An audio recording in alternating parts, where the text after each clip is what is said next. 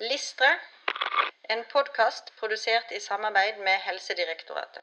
Allmennmedisinsk læringsmål ALM 005 har kunnskap om forhold ved eget yrke og praksis som kan påvirke helse og trivsel for legen og legens medarbeidere, samt kjenne til hvordan yrkesskade kan forebygges. Ja. Ja, eh, oljenæringen har holdt på med dette her veldig veldig lenge. Det heter HMS. Ja, flyindustrien. Og flyindustrien. Ja. Mm. Nå er det kommet til oss. Nå er det kommet til oss. Og det, det tror jeg er lurt. Ikke fordi at vi nødvendigvis skal bli like strikte som, som oljenæringen. Nei Eh, Vi kan jo ta litt av.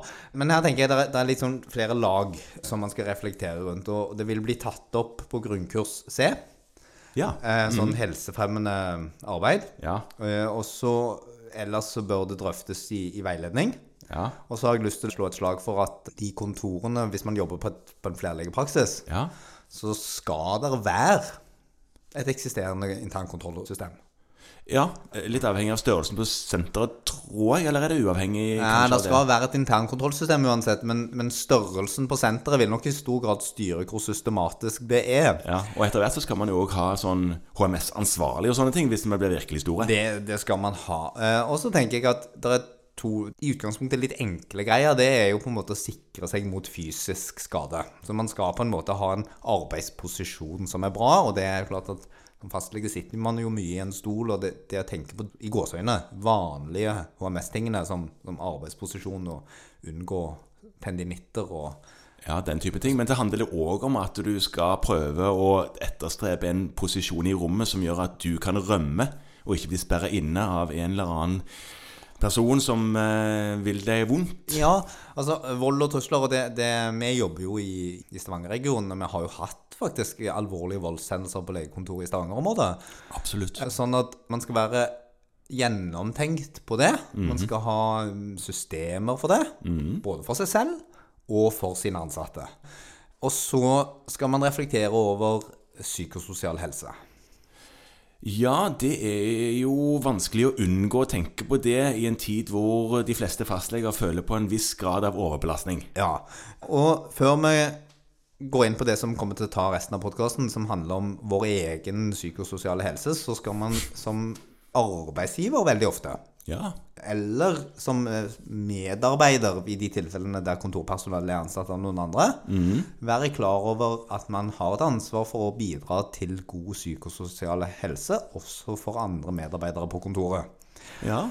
Sånn at, tro det eller ei, Morten, men sånn som vi oppfører oss, det får betydning for hvordan de andre har det. Så du mener at eh, handling har faktisk en konsekvens? Ja. ja. Så dette er kjempeviktig, særlig hvis man har et arbeidsgiveransvar. Men også ellers, så er det å se til at kontoret er innretta på en måte eh, med hensyn til arbeidsrutiner. Og at det er gode møtepunkter, og at man har en god samhandling Ja. for å ivareta de ansatte. Det er kjempeviktig. Ja. Eh, og så må man ivareta seg selv for å kunne ivareta andre, både ansatte og pasienter. Ja, ja, altså det, det, det, dette her er jo et maskineri som eh, det er viktig at alle leddene sviver, ellers så stopper det jo opp. Ja. Så altfor sliten fastlege er sjelden en kjempegod løsning.